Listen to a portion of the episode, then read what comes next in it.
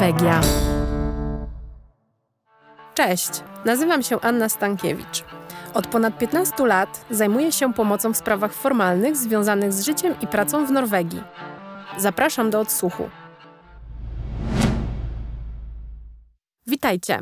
Dzisiaj chciałabym opowiadać dalej o rozliczeniach podatkowych. W ostatnim odcinku powiedziałam Wam o Centrum Interesów Życiowych, o rezydencji i powiedziałam o zmianach w uldze abolicyjnej, więc było trochę teorii, a dzisiaj skupiam się tylko i wyłącznie na Waszych pytaniach. Mam tych pytań bardzo dużo. One do nas napływają drogą mailową, telefoniczną i w ogóle wszelkimi różnymi kanałami. Y, zatem mam na pewno y, co robić i po prostu spisałam sobie te pytania i po kolei będę czytała Wasze pytania i będę starała się na nie odpowiadać. Ile zdążymy dzisiaj, y, tyle, tyle zdążymy. Nie mam gotowych odpowiedzi, mam je wszystkie w głowie. Będę, będę tutaj starała się jak najbardziej Wam rozjaśnić te wszystkie zagadnienia, które Was interesują i zobaczymy, jak to nam pójdzie. Postaram się nie zanudzać. Zatem zaczynam. Pierwsze pytanie, jakie mam na swojej liście, to posiadam certyfikat rezydencji z Norwegii, czy muszę składać zeznanie podatkowe w Polsce? To jest to, o czym mówiłam w ostatniej audycji odnośnie certyfikatu rezydencji. E, dla osób, które nie słuchały, e, to zapraszam naprawdę bardzo gorąco zachęcam do tego, żeby posłuchać e, wcześniejszej audycji o rozliczeniach podatkowych. To jest część pierwsza i tam jest bardzo dokładnie opisane, na czym to polega i, i z czym to się je. Mm, a tutaj w Pokrótce tylko odpowiem, że nawet jeśli posiadacie certyfikat rezydencji z jakiegoś kraju, nie jest on dokumentem wiążącym e, i certyfikat rezydencji można uzyskać w dwóch krajach jednocześnie, więc to, czy musicie składać zeznanie podatkowe w Polsce, jest nieuzależnione od tego, czy posiadacie certyfikat rezydencji z Norwegii. E, I tym samym chyba odpowiem już, pójdę dalej o krok i powiem, kto musi złożyć zeznanie podatkowe w Polsce, a kto nie musi, o czym też mówiłam w części pierwszej o rozliczeniach podatkowych. E, zeznanie podatkowe w Polsce muszą złożyć osoby, które są rezydentami podatkowymi w Polsce e, i które osiągają dochody na terytorium Norwegii. I tu również zachęcam do odsłuchania części pierwszej, ponieważ tam dokładniej szczegółowo opowiedziałam o tym, kto jest rezydentem podatkowym w Polsce i jak to się ustala. E, jeśli ktoś chciałby na szybko sobie sprawdzić, gdzie jest rezydentem, zapraszam na naszą stronę internetową www.pomocwnorwegii.com. Tam w zakładce podatki możecie e, sobie kliknąć w taki formularz i przejść przez niego i odpowiadając na pytania wyskoczy Wam informacja, w jakim kraju jesteście rezydentem podatkowym. Więc zeznanie podatkowe w Polsce składają rezydenci podatkowi polscy, którzy osiągają dochody na terytorium Norwegii. Ja mówię Norwegii, ale oczywiście też innych krajów, ale no my tutaj skupiamy się na Norwegii, więc y, nie będę już tych innych krajów wspominała, ale żeby też nie było, że ja tylko myślę o Norwegii i że tylko w Norwegii. Y, nie chciałabym, żeby mi ktoś tutaj łapał za, za słówka. E, kolejne pytanie. Jestem rezydentem w Norwegii. Czy trzeba wykazywać i zgłosić stan konta bankowego z Polski w Norwegii? E, I już od razu tutaj dodam e, może sobie nie tylko stan konta bankowego, ale również majątek cały. E, rezydenci, którzy są, e, którzy są mm, uznani za rezydentów norweskich, czyli osoby, które na stałe zamieszkują w Norwegii, mimo tego, że na przykład posiadają jakieś nieruchomości w Polsce, czy źródła dochodu nawet w Polsce, ale osoby, które uważają siebie za osoby na stałe zamieszkałe w Norwegii, które do Polski czy tam do innych krajów wyjeżdżają w celach rekreacyjnych, które e, w Norwegii mają ze sobą rodzinę, a jeśli nie mają rodziny, to mają to centrum interesów życiowych, e, to takie osoby muszą zgłaszać stan konta bankowego w Polsce, ale nie tylko w Polsce, bo nawet jeśli macie e, konta bankowe w innych krajach, to również musicie wykazywać to w rozliczeniu podatkowym norweskim.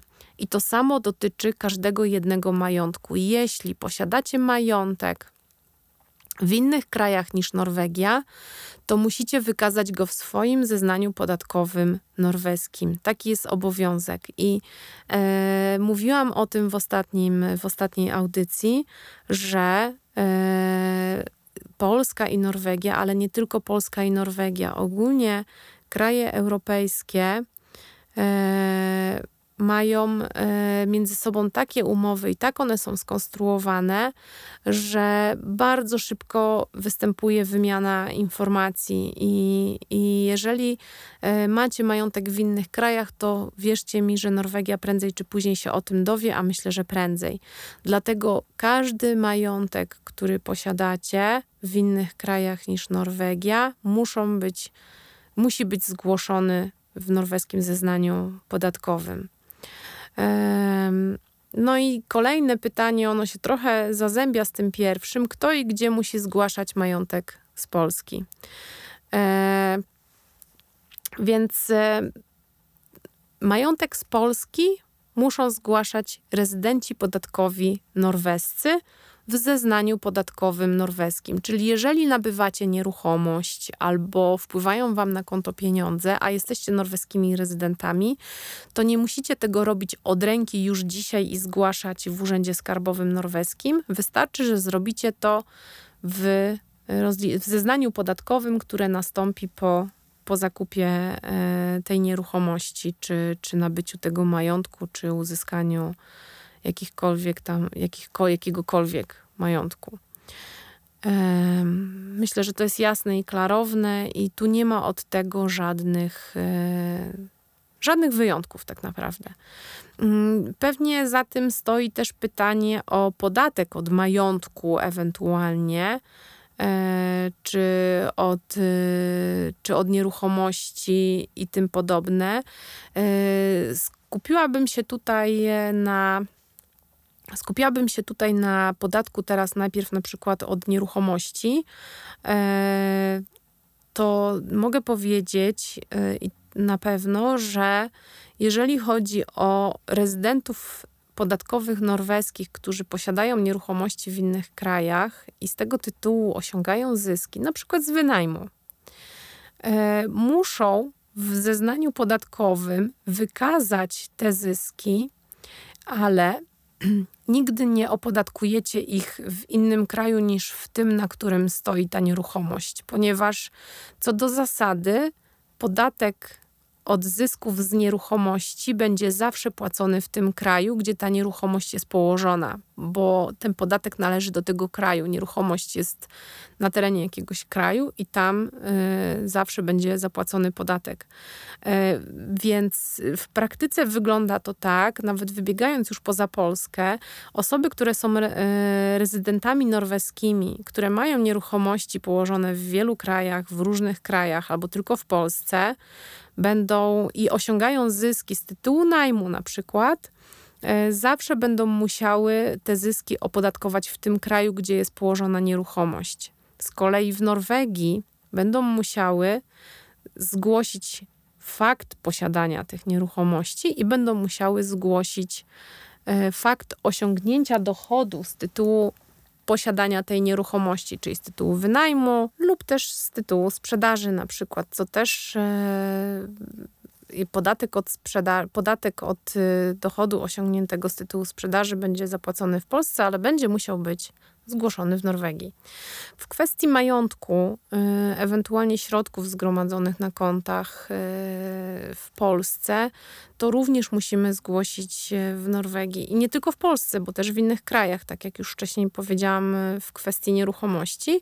Zatem w Norwegii zgłaszamy wszelkiego rodzaju środki zgromadzone na kontach bankowych, cały nasz majątek, y, który mamy w innych krajach i od y, majątku powyżej 1 700 koron będziemy płacili podatek dochodowy. Zawsze Norwegii, na przykład w Polsce z, z tytułu y, posiadanych źródeł na kontach nie będziemy płacić tego podatku, a w Norwegii go zapłacimy. Więc to jest też e, taki czynnik, gdzie należy się zastanowić, e, szczególnie dla, mówię teraz do osób, które bardzo chcą być rezydentami w Norwegii, bo żeby tylko po to, żeby nie składać w Polsce deklaracji, że to są sprawy, o których trzeba myśleć e, właśnie globalnie i i podjęcie decyzji o tym, że, że będziemy się starać tutaj udowodnić, że jesteśmy rezydentami w Norwegii, może nie być tą decyzją słuszną.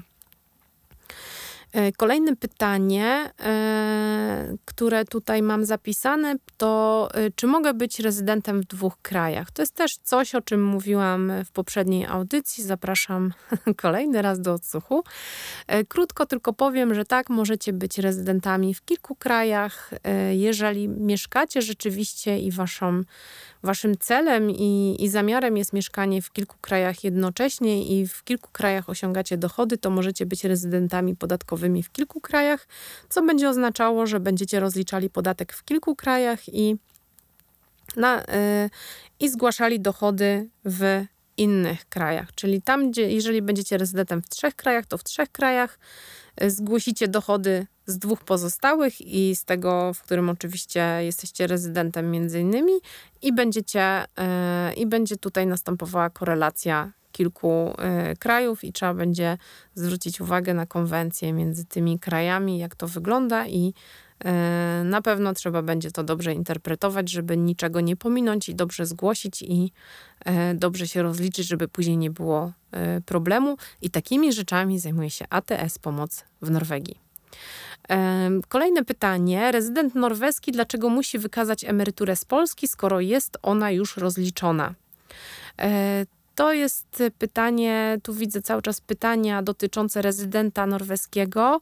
E, dlatego musi wykazać emeryturę z Polski, ponieważ e, rezydent norweski musi, czyli rezydent danego kraju, musi, tutaj akurat Norwegii, musi wykazać wszelkie dochody osiągane na terytorium innego kraju lub innych krajów. Więc jeżeli ma ktoś jest rezydentem norweskim, e, mieszka w Norwegii, e, pracuje w Norwegii, a ma emeryturę z Polski, to musi tą emeryturę z Polski wykazać w norweskim zeznaniu e, podatkowym, nawet jeśli ona jest rozliczona i musi wykazać, jaki podatek został potrącony z tej emerytury norweskiej, polskiej. I tutaj analogicznie, jeżeli ktoś jest polskim rezydentem, a ma norweską emeryturę i osiąga dochody z tytułu norweskiej emerytury, e, to również musi tą emeryturę zgłosić w Polsce, a podatek będzie od tej emerytury zapłacony w Norwegii. I tutaj też czasami się zdarzają takie przypadki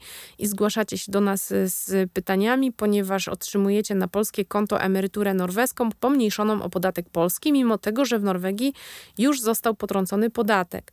To są przypadki, które się zdarzają i my się też tym zajmujemy. E, Najważniejsze jest to, aby poinformować polski bank o tym, że podatek został potrącony, okazać dokument y, potwierdzający to potrącenie podatku w Norwegii i polski bank zwalnia wtedy ten podatek i oddaje go z powrotem. Y, ale wracając do pytania, rezydent norweski musi wykazać polską emeryturę w norweskim zeznaniu podatkowym, a polski rezydent musi wykazać norweską emeryturę w polskim zeznaniu podatkowym. Kolejne pytanie. Pracowałem w Polsce i w Norwegii. Gdzie muszę się rozliczyć? E, I to jest e, pytanie, e, które, mm, na które możemy odpowiedzieć dopiero w momencie, gdy ustalimy rezydencję podatkową. Już o tym mówiłam, gdzie i jak można o tym poczytać i posłuchać. Więc rezydent podatkowy polski będzie rozliczał dochody osiągnięte na terenie Norwegii w Norwegii, dochody osiągnięte na terenie Polski w Polsce, ale ponieważ jest rezydentem podatkowym w Polsce, będzie musiał zgłosić norweskie dochody w Polsce, w polskim zeznaniu podatkowym, jako te osiągnięte na terenie innego kraju. Yy, I ewentualnie zapłacić różnicę w podatku, jaka wystąpi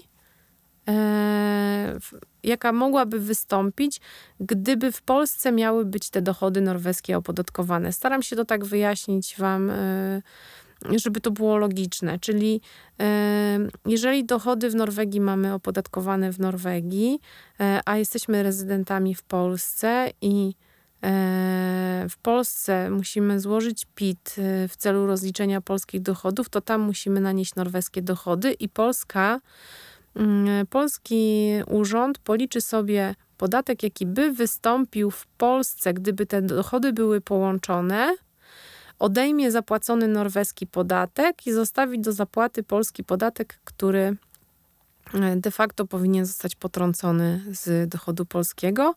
I różnica co do zasady nie powinna wystąpić. Czasami ona występuje. E, nigdy nie jesteśmy w stanie tego policzyć z góry, niestety.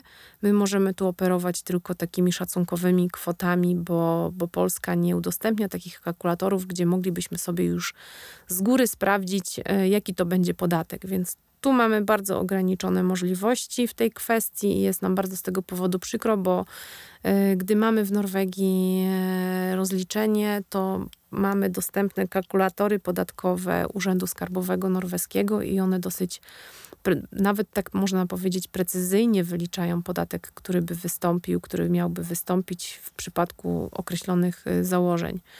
W Polsce tego nie mamy.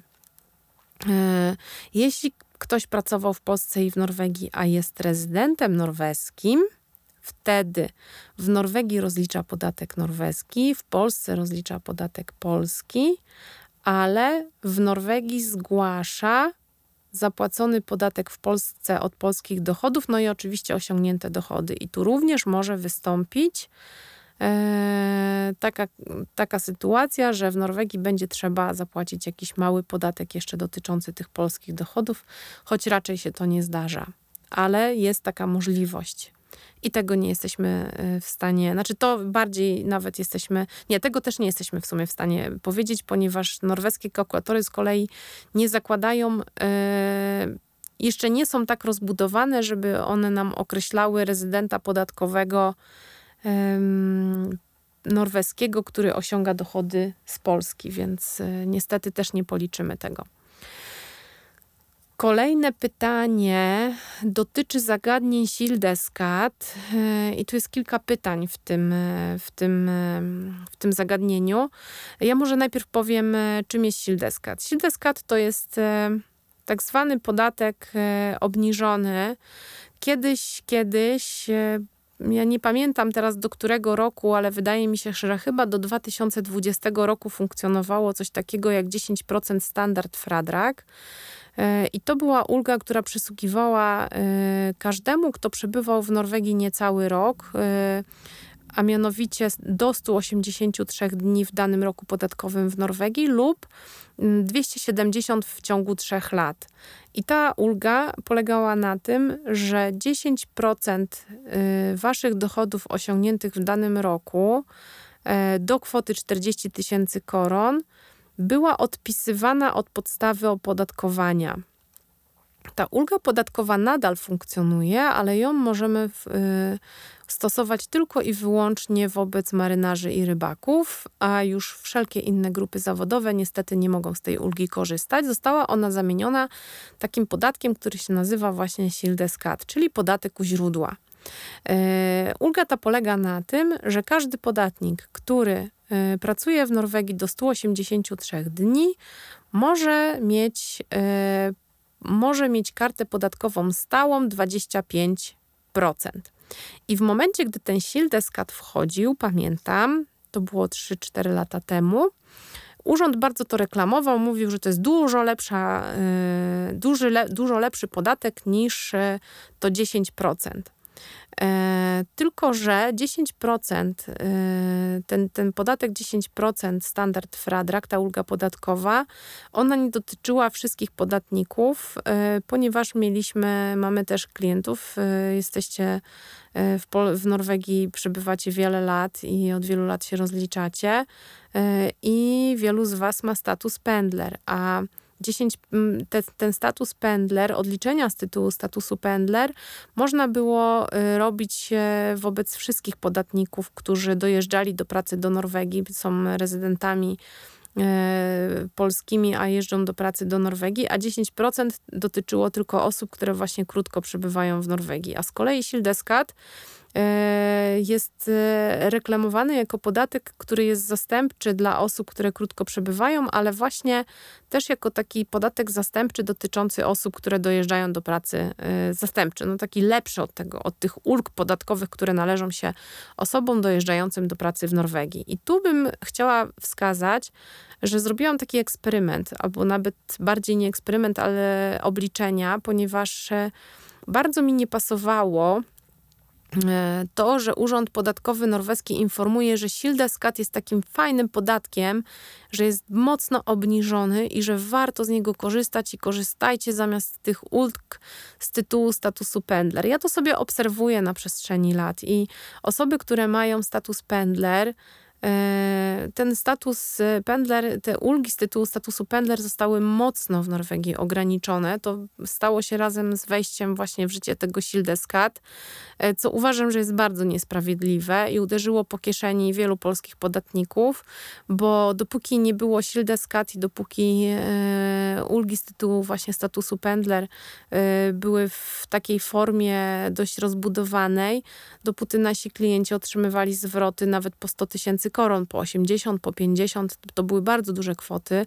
e, które można było uzyskać z tytułu zwrotu podatku, a odkąd e, te ulgi ograniczono i wprowadzono Sildeskat, który jest takim niby e, super fajnym podatkiem, no te zwroty się ograniczyły. Bardzo, bardzo się ograniczyły. I teraz w kwestii tego właśnie Sildeskat, tak bardzo nie wierzyłam w tą informację urzędu, że to jest taki świetny podatek, że aż e, poświęciłam jeden dzień e, i wybrałam sobie e, z rzeszy naszych klientów 100 osób przypadkowych, przypadkowych 100 rozliczeń i poświęciłam na to trochę czasu. Policzyłam, ile każda z tych osób wybranych losowo ile procent podatku oddała do norweskiego urzędu podatkowego, a ten, no dokładnie, ile, ile procent y, każda z tych 100 osób oddała do urzędu podatkowego i wyliczyłam z tego y, medianę. Y, wyszło mi, że większość z Was, mając, korzystając z ulg ze statusu pendler, płaci około 17% podatku. Z kolei Sildeskat to jest 25%. Więc absolutnie Sildeskat wynikało z tych moich obliczeń, że się w ogóle nie opłaca i że jest to oszustwo.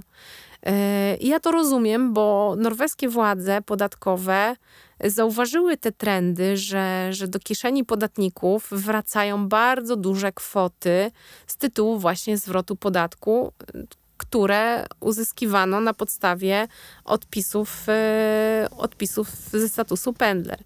Więc, e, więc e, wprowadzono coś, co, było, co jest zastępnikiem niby i reklamuje się to jako bardzo, bardzo preferencyjna stawka podatku, a taka nie jest.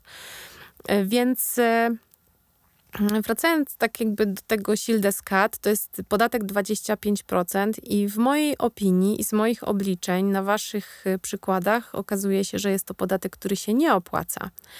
E, no i tak się zastanawialiśmy właśnie e, w, u nas w ATS, co z tym zrobić, jak was informować o tym, żebyście z tego rezygnowali, ponieważ z tego podatku można zrezygnować. A kto go dostaje i kiedy? Przyjeżdżacie do Norwegii, to na dzień dobry dostajecie właśnie ten Sildeskat, 25%. To każdy tak naprawdę przyjeżdżający, nowo przyjeżdżający do Norwegii dostaje ten podatek. I e, reklamowany on jest jako taki, że jeżeli pracujecie krótko w Norwegii, to płacicie płacicie 25% podatku, nie musicie składać deklaracji podatkowej, pracodawca potrąca te 25% i na koniec e, roku dostajecie tylko takie zestawienie, że tyle i tyle zostało zarobione, tyle i tyle zarobiliście i 25% podatku zostało potrącone. I to wszystko, czyli e, też zwolnienie z obowiązku rozliczenia podatkowego i, i stały podatek i się o nic nie martwicie. I to jest bzdura. Dlatego, że odkąd jest ten Sildeskat i odkąd y, cały czas naszym klientom mówimy, że ten podatek się nie opłaca, oferujemy, mamy w naszej ofercie na stałe usługę sprawdzenia, e, porównania, e, ile podatku byście zapłacili, nie mając tego Sildeskat. I jaki zwrot podatku uzyskacie, jeżeli z tego Sildeskat zrezygnujecie, bo można z tego podatku u źródła zrezygnować. I to jest dobra informacja. I zachęcam wszystkich, którzy mnie teraz słuchają, do tego, Y, wszystkich, którzy mają ten podatek u źródła, te 25%, do tego, aby zgłaszać się do nas w celu sprawdzenia, czy ten podatek się Wam opłaca bo w 95% przypadków ten podatek się, nawet 97%, on się po prostu nie opłaca. I y, my wykazujemy, że y, osoby, które się do nas zgłaszają na tym właśnie podatku, y, w momencie, gdy z niego rezygnują, to już od razu w tym momencie zyskują kilka tysięcy koron. Czasami kilkanaście, czasami kilkadziesiąt. Oczywiście te kilkadziesiąt to już jest rzadkość, ze względu na to, że ulgi z tytułu statusu pendler zostały ograniczone więc niestety jest to rzadkość, ale te kilka, kilkanaście tysięcy to jest zawsze tego zysku na samej zmianie z Sildeskat na zwykły podatek. Więc e, wracając do pytania, komu przysługuje ta karta? Ona przysługuje osobom, które przebywają w Norwegii nie dłużej niż 183 dni e, w ciągu roku, ale też 270 w ciągu 3 lat. Jest to karta zazwyczaj nieopłacalna, my jej nie reklamujemy, nie lubimy i zachęcamy do tego, aby się do nas zgłaszać w tym celu, aby aby z tej karty, aby analizować, bo możemy tą analizę zrobić, czy ten podatek się opłaca, czy nie. Jeszcze tylko chciała powiedzieć, że ten Sildeskat y, obowiązuje do dochodów tam, on jest ograniczony też dochodowo. To nie jest tylko kwestia 183 dni, ale jeżeli w ciągu roku e, zarobicie mniej niż 600 kilka tysięcy koron. Teraz nie pamiętam tej kwoty, ją bardzo łatwo można sprawdzić na internecie, więc możecie sobie sprawdzić, jeżeli ktoś jest bardzo zainteresowany. E, I, ten podatek I w ten podatek u źródła również wchodzą wszelkie dodatki, które są nieopodatkowane przy normalnej karcie. Dlatego też e, normalna karta podatkowa się bardziej opłaca, w szczególności na przykład dla osób, które uzyskują różnego rodzaju bonusy lub też świadczenia, na przykład mieszkaniowe, czy z tytułu diet, czy z tytułu dojazdów, które są nieopodatkowane w Norwegii, ponieważ e, podatek norweski funkcjonuje tak, że e, w deklaracji podatkowej macie wykazane przychody z tytułu wynagrodzenia za pracę i macie też przychody z tytułu ewentualnie dodatkowych świadczeń, które oferuje pracodawca. I duża część świadczeń dodatkowych nie podlega opodatkowaniu, czyli e, mając e, dochody z tytułu, z tytułu wynagrodzenia, e, tylko je bierzecie pod uwagę przy obliczeniu podatku. Poza tym, przy obliczeniu podatku macie kwotę wolną od podatku. W Norwegii jest to jedna z większych w Europie kwota, ponieważ za 2024 to jest ponad 110 tysięcy koron, ta kwota wolna od podatku, e, więc e, ona się Wam należy przy rozliczeniu podatku. I biorąc pod uwagę dochody z tytułu wynagrodzenia, odpisujecie sobie kwotę wolną od podatku i do tych dochodów nie musicie doliczać y, tych wartości, tych świadczeń od pracodawcy, które są zwolnione z podatku. Więc płacicie podatek tak naprawdę pomniejszony o ponad 100 tysięcy koron. A w przypadku Sildeskat nie płacicie, płacicie podatek od całości dochodu, nie macie kwoty wolnej od podatku i dodatkowo jeszcze płacicie podatek od wszystkich świadczeń pracodawcy, nawet tych, które teoretycznie mogłyby być zwolnione z podatku. E, dlatego też zwykle ten śledeskat, właśnie ten podatek u źródła jest nieopłacalny. Jest po prostu, dla mnie to jest oszustwo. E, komu przysługuje, powiedziałam. Następne pytanie. Jestem na sildę, czy muszę wykonywać rozliczenie? No osoby właśnie, które mają to sildę skat, nie muszą wykonywać rozliczenia podatkowego. To jest taka zachęta, taka przynęta, bym powiedziała nawet. E, żeby sobie korzystać z tego, no bo nie musicie robić tego rozliczenia. A my wykazujemy, że nawet jeśli zrobicie y, zmianę z Sildeskat na zwykły podatek i zapłacicie nam za tą zmianę i zapłacicie nam za rozliczenie podatkowe, to i tak zyskujecie kilkanaście tysięcy koron. Więc zachęcam do robienia tego. E, kolejne pytanie. Po złożeniu rezygnacji z Sildeskat, czy mam obowiązek rozliczenia podatku? Tak, y, jak najbardziej. Y, w momencie, gdy rezygnujemy z tego Sildeskat, gdy okazuje, bo nigdy nie robimy tak, że zgłaszacie się do nas y, z tym podatkiem u źródła i my najpierw pobieramy opłatę i rezygnujemy, a później mówimy o jej nie opłacało się. Zawsze, jeżeli zgłaszacie się do nas z tym podatkiem u źródła, to najpierw sprawdzamy, czy w ogóle się opłaca, no bo oczywiście zawsze może wyjść taka sytuacja, że się z jakiegoś powodu nie opłaca, choć tak jak mówię, to jest 2-3% osób, które się do nas zgłaszają, e, ale najpierw zawsze to sprawdzamy, żeby, no bo wiadomo, że my mamy działać na waszą korzyść, a nie tylko po to, żeby e, żeby coś robić i komuś udowadniać. Więc nasze działania są skierowane na Wasze zyski finansowe, w szczególności w rozliczeniach podatkowych. Bardzo, e, bardzo tutaj skupiamy się na tym, żebyście uzyskali jak najwięcej zwrotu e, i jak, mieli jak największe korzyści z rozliczenia podatkowego. To jest nasz cel tak naprawdę, bo e, mamy tysiące klientów powracających, ale mamy też tysiące klientów, którzy są którzy przychodzicie do nas z polecenia i, i to właśnie, im większe mamy my zwroty dla was, im większe zwroty możemy dla was zaoferować, tym lepsza informacja idzie w świat i tym więcej do was do nas wraca, bo wiecie, że zawsze możecie liczyć na to, że, że u nas uzyskacie największe zwroty y, z podatku i tak jest rzeczywiście. My wykorzystujemy wszelkie możliwości i mm, korzystamy ze, wsze, ze wszystkich wszystkich przepisów podatkowych i z możliwych ulg, jakie tylko są możliwe, żeby, żeby jak, najlep jak najlepiej rozliczać wasze podatki. Więc e, e więc tak, y, po złożeniu rezygnacji Sildeskat macie obowiązek rozliczenia i my zawsze sprawdzamy najpierw, zanim zrezygnujemy, czy w ogóle Wam się to opłaca. Zazwyczaj się opłaca i wtedy od razu oferujemy Wam rozliczenie podatkowe i je e, robi, robimy. E, kolejne pytanie dotyczy zasiłków e, i Sildeskat. I tutaj to jest bardzo ważna informacja i bardzo fajnie, że to pytanie padło, ponieważ osoby, które miały dotychczas ten podatek u źródła 25%, a z jakichś powodów muszą iść na jakiś zasiłek i będą otrzymywały świadczenia z NAW, e, czy to z tytułu e, choroby, czy, czy bezrobocia, to urząd y, NAW będzie potrącał 50% podatku, dlatego że y, Sildeskat nie dotyczy właśnie tych dochodów y, z tytułu świadczeń wypłacanych przez NAW. I co trzeba zrobić w momencie, gdy ewentualnie idziecie na chorobowe czy na bezrobocie, jak najszybciej należy złożyć wniosek o nową kartę podatkową i wpisać tam właśnie w tym wniosku, że będziecie otrzymywali świadczenia. Wtedy urząd podatkowy wyda nową kartę która będzie zawierała jakiś podatek lub też kartę, lub też tabelę podatkową dostosowaną do, do waszych e, dochodów.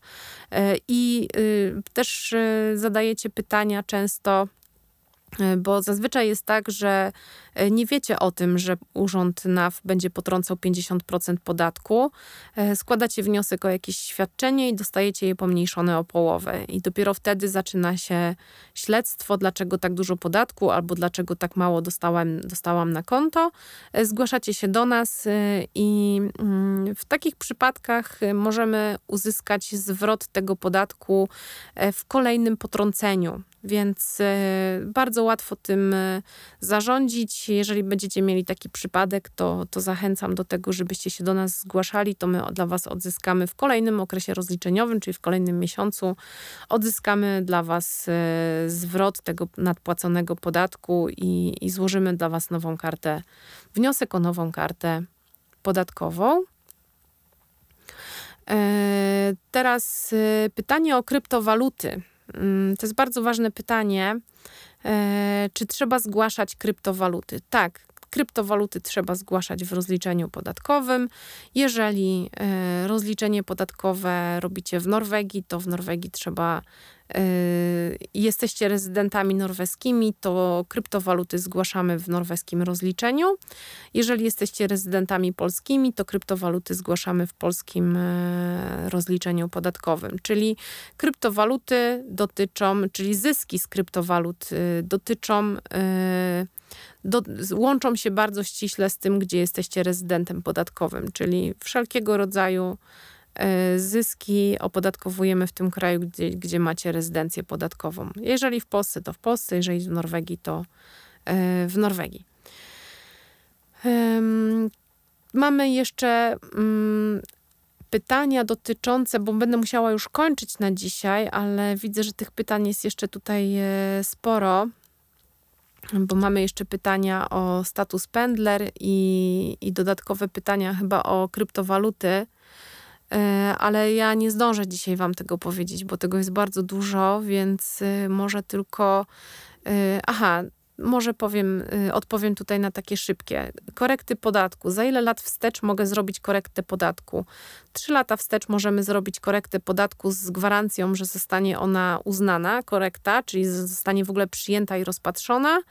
E, pięć lat y, wstecz można zrobić, tylko y, można zrobić i jest szansa, jeżeli się dobrze uzasadni, to nawet do pięciu lat wstecz możemy zrobić korekty. My takie korekty robimy i bardzo często w 95% przypadków są uznawane. I czy korektę podatku mogę zrobić zawsze, czy jest określony termin? No to tak jak powiedziałam, 3 lata wstecz y, na pewno jest gwarancja, a 5 lat, y, jak się dobrze uzasadni, to, to też są przyjmowane te korekty podatku. Mm, czy muszę wykonać rozliczenie, jak miałem dochód tylko z ferie Penger? No tak, y, nawet jeżeli jest dochód tylko z ferie Penger, to też trzeba złożyć deklarację podatkową i w kwestii ferie Penger mogę powiedzieć, że hmm, jeżeli jesteście rezydentem podatkowym w Polsce, to jest bardzo ważna informacja i bardzo bym chciała z tą informacją dotrzeć do jak największej ilości osób, ponieważ y, jeżeli kończycie pracę w Norwegii w 2024 teraz roku, powiedzmy, że to będzie ostatni wasz rok pracy, e, to nie zostawiajcie sobie wypłaty świadczenia ferie penger, czyli tego urlopowego na kolejny rok, ponieważ spowoduje to, że będziecie musieli te dochody wykazać w Polsce i wystąpi duża dopłata podatku w Polsce z tytułu tego ferie penger. Lepiej będzie, jeśli Y, uzyskacie dochody z tytułu ferie. Jeżeli zakończycie stosunek pracy w 2024, to od razu wybierzcie te ferie Penger w 2024, tak aby w rozliczeniu e, za rok 2024 e, w tym picie, który w Polsce będziecie musieli wykazać, aby były te dochody całościowo uwzględnione. Wiąże się to z tym, że mm, jeżeli pracujecie w 2024 w Polsce, w Norwegii, e, to tym samym e, no, nie pracujecie w Polsce w tym czasie, więc tych dochodów w Polsce nie ma. A zależność jest taka, że jeżeli na przykład macie same dochody w Polsce, i przebywacie tylko w Polsce, jesteście rezydentami w Polsce, a dostaniecie takie ferie Penger z Norwegii, to ono zazwyczaj jest nieopodatkowane. Nie jest potrącony podatek co do zasady w Norwegii on, on, ferie Penger jest opodatkowany, ale nie jest potrącony w tym momencie y, podatek i może wystąpić taka sytuacja, że nie będzie podatku w Norwegii, więc w Polsce wystąpi cały podatek od tego ferie Penger. A jeszcze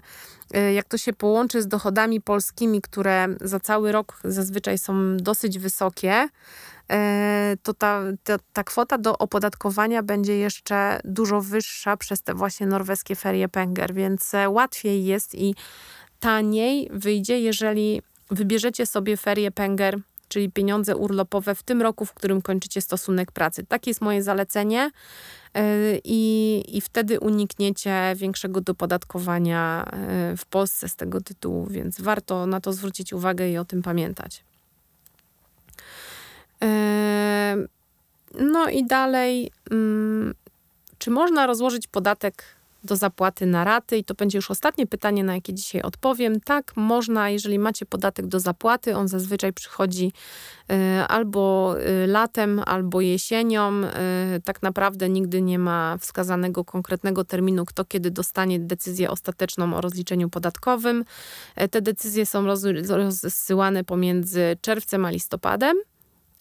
I w momencie, gdy dostaniecie już decyzję o tym, jaki to będzie podatek do zapłaty, możecie sobie złożyć wniosek o rozłożenie tego podatku na raty, tak żeby nie wystąpiły żadne kary i odsetki. Zwykle są te, te, te wnioski rozpatrywane pozytywnie.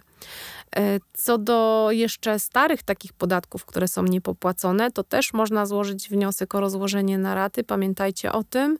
E, jak już są naliczone duże odsetki, to po spłacie tego podatku można ewentualnie te odsetki próbować umarzać i te kary.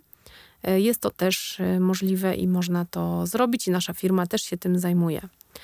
Na dzisiaj już będę kończyła, mm, ponieważ goni nas, goni mnie czas też i nie chcę Was tutaj zanudzać jakimiś długimi treściami. E, w kolejnym odcinku na pewno odpowiem na Wasze pytania. Jest ich jeszcze bardzo dużo, więc mam jeszcze dużo do mówienia. E, może wezmę sobie jakieś dwa ciekawe zagadnienia teoretyczne, o których trochę opowiem i i poodpowiadam na Wasze pytania. Więc zachęcam do, do zadawania pytań. Bardzo Wam dziękuję za, za to, że mnie chcecie słuchać. Jest to dla mnie bardzo miłe e, i bardzo mnie to cieszy. W takim razie pięknego dnia Wam życzę lub też wieczoru albo poranka, w zależności od tego, kiedy mnie słuchacie. I do usłyszenia. Pa. Jeśli podobała Ci się audycja, zaobserwuj kanał, daj lajka i wciśnij dzwoneczek. Jest to dla mnie ważna informacja, że powinnam nagrywać więcej i dzielić się z Wami swoją wiedzą. Chcesz, abym poruszyła ważny dla Ciebie temat? Wyślij mail na projekt Jeśli chcesz więcej rzetelnych informacji związanych z pracą w Norwegii, to zapraszam na www.pomocwnorwegii.com. Ha, debra!